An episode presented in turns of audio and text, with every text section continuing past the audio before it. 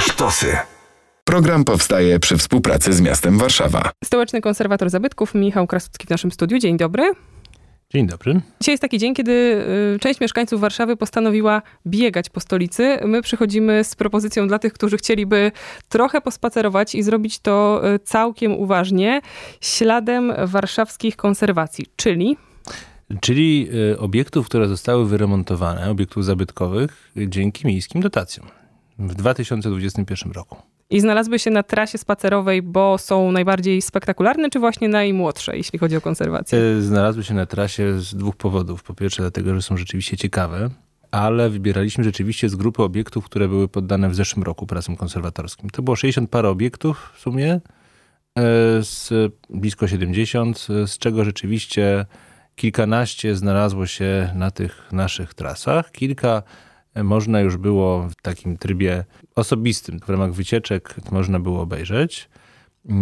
I, I rzeczywiście no, przyszło kilkadziesiąt osób. To, to było, zaczęliśmy w domu braci Jabłkowskich, później poszliśmy na ulicę Wilczą, na ulicę Koszykową też. Następnego dnia zwiedzaliśmy obiekty na Pradze, na, na ulicy Ząbkowskiej, też na Fletniowej, więc dużo było ciekawych, ciekawych obiektów. No ale nie każdy był w stanie dotrzeć, w związku z tym dla tych osób przygotowaliśmy też aplikację, z którą samodzielnie można zwiedzać. Czyli są takie sytuacje w życiu, kiedy mimo tego, że ktoś coś przegapi, to jakoś może sobie te straty nadrobić, zwiedzając w tym przypadku e, samodzielnie te części e, Warszawy, podzielone na dwa bloki tematyczne, bo może nie będę popełniała tego błędu na antenie. Słucham jakie. Są takie dwa spacery przygotowane. Jeden to jest y, y, witraż i szara cegła. Y, To, I to są oczywiście spacery dokładnie takie, które żeśmy realizowali na żywo. E, Czyli zaczynamy od witraża w domu braci Jabłkowskich. Budynek jest dostępny, tam można wejść do środka. No, trzeba się przedrzeć przez ochronę, ale powiedzmy, że jak ktoś powie, że wchodzę, żeby obejrzeć witraż z aplikacją stołecznego konserwatora, no to wtedy ochrona puści. Bo A- wcześniej jest mhm. takiej, taka blokada w postaci, w postaci szklanych drzwi i można wejść tylko do księgarni, która jest. Ale powiedzmy, że tam już z ochroną można popertraktować. Ale puszcza. widać też z zewnątrz, skoro to witraże. No nie, właśnie nie, bo to jest witraż, który jest od takiego wewnętrznego podwórka, gdzie dzisiaj jest narożny budynek od strony Chmielnej. W związku z tym, jak ktoś wejdzie na, te, na to podwórko, no to rzeczywiście ale zobaczy tylko drugą stronę witraża, a witraż najciekawszy jest od środka, jak jest rozświetlony światłem zewnętrznym i tam rzeczywiście widać wszystkie szczegóły, więc, więc e, koniecznie trzeba wyjść do środka. E, No i potem w ramach tego spaceru witraż i szara cegła jest też, ja tylko powiem, że ten witraż jest na ulicy Brackiej. To ja jeszcze tylko chciałam propos tego witrażu. To znaczy konserwować witraż, dodać mu koloru, wymienić szkło. E, No, czasem wymienić szkło, czasem oczyś, przede wszystkim oczyścić z zanieczyszczeń, jakiegoś taki, takiego brudu, czy, czy no, narastającego latami. To znaczy także uzupełnić te elementy takie konstrukcyjne, czyli no, klasyczny witraż był w takiej ołowianej ramce, ten już trochę innej, natomiast e, pamiętajmy, że mamy metalową ramkę i szkło. To znaczy usunąć jakieś wtórne szklenia. Tam było bardzo dużo elementów wtórnych, które wymagały rekonstrukcji, czyli odtworzenia szkła. E, Dzisiejszy witraż e, oryginalny, zachowany, przetrwał pożogę wojenną, przetrwał cały wiek XX, od 1913 roku. E, To ten witraż jest ewenementem w skali Warszawy, bo rzeczywiście, jeżeli chodzi o budynki świeckie, to jest najciekawszy. Są też sakralne na trasie Są, satra- są, są, warszawskiej są, konserwacji są też 2022. Ale Są- też mieszkalne. E, ale też mieszkalne. No i właśnie w, w ramach tego pierwszego, e, pierwszego spaceru później przechodzimy do budynku na ulicy Wilczej, gdzie jest e, bardzo ciekawa kamienica, która otrzymała e, znaczy z zachowanym też dość bogatym detalem. To jest kamienica z przełomu e, wieków XIX i XX, taka eklektyczna. Ten detal, bardzo bogaty detal został poddany pracom konserwatorskim w zeszłym roku. Ciekawe w ogóle, że ten budynek też po wojnie nie został ani rozebrany, ani mocno przebudowany, bo były tam mieszkania dla specjalnych lokatorów, dla pracowników Ministerstwa Obrony Narodowej. W związku z tym dostali rzeczywiście z przydziału takie no bardzo, bardzo, bardzo dobre mieszkania. No i później, trochę idąc tym szlakiem obrony narodowej, mieszkań wojskowych, dochodzimy do ulicy Koszykowej, gdzie przy Koszykowej 79A jest potężny zespół budynków e, projektu e, Romualda Gutta i Józefa Jankowskiego, który też tak zwany dom oficerski na rogu z niepodległości, który też powstał dla, e, dla administracji wojskowej, dokładnie dla Funduszu Kwaterunku Wojskowego w międzywojniu. I to jest budynek wykończony z szarej cegły, cegły cementowej. Stąd nazwa tego spaceru witraż i szara cegła. E, ta cegła była też poddawana pracom konserwatorskim, czyszczona. Cegła klinkierowa też została e, uzupełniona i, i czyszczona. Też przy ziemi jest widoczne, przy jeździe bramnym. Jak najbardziej ten budynek polecam. I idąc dalej, bo pani wspomniała o, też o budynkach kościelnych, idąc dalej ulicą Koszykową, dotrzemy do Ochoty. Na Ochocie, jak dojdziemy do, do, do ulicy Lindleya, przed placem Sternykiewicza, to dochodzimy do, szpita- do kościoła pod wezwaniem Dziesiątka Jezus. To jest taki mało znany chyba kościół. Kościół przyszpitalny, e, ceglany, neogotycki, który też e, w zeszłym roku e, dzięki tym pracom konserwatorskim udało się no, doprowadzić do stanu świetności. Tam były zarówno elementy ceglane, jak też były elementy tynkowane i kamienne. W aplikacji jest taka wspaniała funkcja, która najbardziej chyba uwidacznia te prace konserwatorskie, czyli oglądamy sobie e, budynek przed i po. No i w przypadku tego kościoła nachodzi mnie taka refleksja, czy to są prace, przy których dostrzeżeniu wymaga się od takiego y, nieświadomego zwiedzacza albo zwiedzaczki takiego dużego skupienia i uwagi, czy one tak na pierwszy rzut oka są widoczne i rzucają się w oczy? Ja już teraz sobie otwieram właśnie aplikację, żeby być pewnym, czy widzimy to samo, ale y, no, przede wszystkim mamy tutaj do czynienia z obiektem, który został bardzo mocno oczyszczony, więc e, dla niewprawnego oka można powiedzieć, że rozjaśniał jest jaśniejszy, jest rzeczywiście taki no, wyczyszczony. To jest też pytanie trochę o to, gdzie się kończy konserwacja, a zaczyna coś większego, czyli Na, nie wiem, remont, rewitalizacja, natomiast, renowacja. Natomiast została wyczyszczona też cegła. I przy czym pamiętajmy, że w przypadku takich obiektów czyszczenie to nie jest po prostu czyszczenie. To, to, to jest... To jest czyszczenie preparatami konserwatorskimi, to jest uzupełnianie ubytków, uzupełnianie ubytków w cegle, uzupełnianie spoin. W związku z tym fakt, że nam Kościół wyjaśniał oznacza ni mniej, ni więcej, że zostały poprawione tynki, że została wyczyszczona cegła, uzupełnione spoiny, no, czyli uzyskał taki efekt, jaki był pierwotny. Więc ja bym się pokusił jednak o twierdzenie, że to jest konserwacja. A technologie pomagają czy przeszkadzają w przywracaniu dawnej świetności? No bez technologii, bez technologii bylibyśmy e, w zasadzie skazani na bardzo proste działania, trochę takie jak kiedyś, kiedyś, czyli kilkadziesiąt lat temu, nie w momencie powstania, tylko mówię o tych wcześniejszych pracach konserwatorskich, które w dużej mierze odbywały się no, mocno inwazyjnie dla obiektów. I, I gdybyśmy kiedyś czyścili cegłę, no to ona była czyszczona nie jakimiś tam preparatami chemicznymi, czy też nie na przykład metodą parową, ale e, byłaby szlifowana. Jeszcze 15-20 lat temu cegłę szlifowano, co było bardzo no, inwazyjną technologią, niszczącą. Z Michałem Krasuckim, stołecznym konserwatorem zabytków, powiedzieć, że chodzimy, to jednak trochę przesada, ale może ktoś ze słuchaczy chodził w kwietniowy weekend śladem konserwacji warszawskich. Dwie ścieżki spacerowe do ponownego tworzenia i samodzielnego wykorzystania w aplikacji. Z Ochoty przechodzimy na Stare Miasto. Bo na Stare, w zasadzie na nowe, na nowe miasto. Zaczynamy drugi spacer.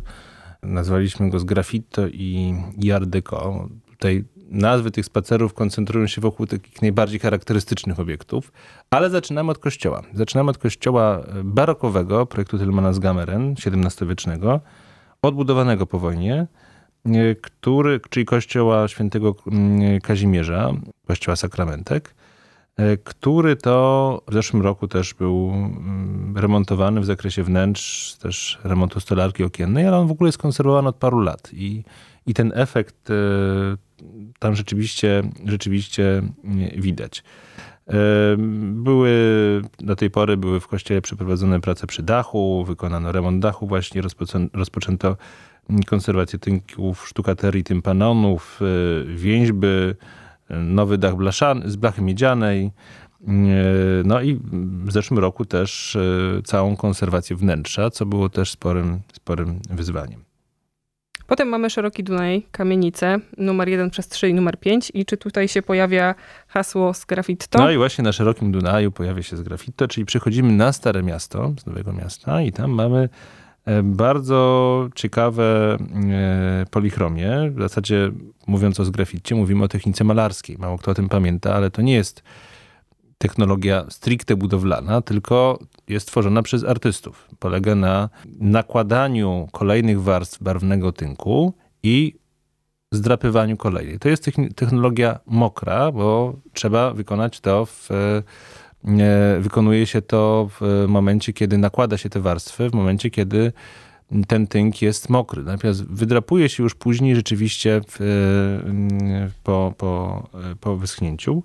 I przy kamienicach Szeroki Dunaj 1 przez 3 i kamienica 5 właśnie zostały poddane pracom e, konserwacje e, zgrafitowe. One były bardzo ciemne, częściowo się odspajały, odpadały, natomiast dzięki pracom udało się je przywrócić do stanu, no może nie, nie tyle pierwotnego, co, co do stanu jak najlepszego, zgodnego w zasadzie z tym wyglądem, jaki, jaki chcielibyśmy, chcielibyśmy y, oglądać. Czy to jest taka regularna praktyka? Można sobie wyobrażać, że te warunki atmosferyczne powodują, że trzeba co kilka lat wracać z tymi poprawkami na elewację budynków? Y, co kilka y, nie, natomiast co kilkadziesiąt tak, a tutaj mamy do czynienia z konserwacją, która została przeprowadzona po raz pierwszy praktycznie od oddania tej kamienicy i szczególnie w warstwach przyziemia jej stan był, był dramatyczny. To, to są zresztą kamienice bardzo ciekawe, bo one mają taką polichromię, czy tę dekorację dekoracje, oprócz dekoracji zgrafitowej, która jest na, w części przyziemia, na piętrze mamy, czy na wysokości pierwszego i drugiego piętra mamy też dekorację malarską, polichromię e, figuralną i ta, ta figuralna polichromia jest tym, co, co, no, co też jest bardzo, bardzo ciekawe i charakterystyczne dla Starego Miasta. Myślę, że nie tylko adresy zostają w głowie po tej rozmowie, ale też te wszystkie pojęcia wzięte niczym z podręczników do historii sztuki, jak wspomniane z Gravito. Y, ruszamy dalej i mamy kolejną kamienicę, tym razem floriańska. I przechodzimy na Pragę, gdzie to jest jakby zaskakujące, bo tam de facto doszło do odtworzenia rekonstrukcji elewacji. To jest taka bardzo monumentalna kamienica przy ulicy Floriańskiej, y, vis-a-vis y, kościoła świętego Floriana, gdzie kamienica pochodząca z początku XX wieku, tuż sprzed I wojny światowej, e, gdzie w zasadzie no, i kamienica przetrwała wojnę, i ulica ma też trochę taki przedwojenny charakter, jest brukowana, natomiast to, co zniknęło, to bogaty wystrój z elewacji. W latach 90. był pożar, kamienicę postanowiono wówczas wyremontować i pokryto ją takim zwykłym, żółtym, gruboziarnistym tynkiem, a parter brodowymi płytkami ceramicznymi. I to niestety spowodowało, że ten efekt wystroju, efekt elewacji był, był mało, mało, mało historyczny. I w 2021 roku wspólnota mieszkaniowa, dzięki też pracom konserwatorów, e, zdecydowała się, a wcześniej jeszcze dzięki badaniom archiwalnym, doszukiwaniu się ikonografii, e, zdecydowała się na odtworzenie tego pierwotnego wystroju. No i dzisiaj rzeczywiście ta kamienica przypomina swoim wyglądem wygląd pierwotny. To też jest ciekawe, skąd wiedzieć, jak odtwarzać i jak wracać do tego pierwotnego z badań wyglądu. Ze, z badań i ze zdjęć. Ile się zachowało i tak dalej. Tak. Więc kolejny duży wątek. Ząbkowska 33, budynek mieszkalny. No tutaj znowu wracamy do, wracamy do cegły. E, cegły tym razem ceramicznej, cegły czerwonej. Ząbkowska, e, budynek mieszkalny, no był w jakimś stopniu związany też z całym zespołem rektyfikacji, który jest z tyłu, czyli wytwórnią wódek Koneser, tak ją dzisiaj nazywamy. To był dawny budynek biurowy tego zespołu. E, dzisiaj budynek mieszkalny, wspólnota mieszkaniowa zdecydowała się na remont elewacji. Klasyczny, powiedzielibyśmy, właśnie remont polegający na czyszczeniu tych elewacji ceglanych które y, no, w tej chwili znowu są odświeżone, rozjaśniały i bardziej pasują do tego już wyremontowanego otoczenia, jakim jest wytwórnia wódek.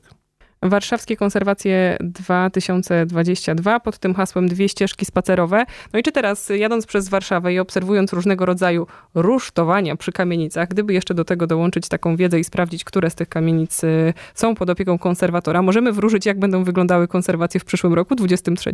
No to będzie zależało od jakości tych remontów. To się okaże, jak będziemy te remonty odbierać mm, po ich zakończeniu. Czasem trzeba poprawiać i tylko te, które rzeczywiście zasługują na, na uwagę, które są bardziej spektakularne, trafiają do przyszłorocznych warszawskich konserwacji.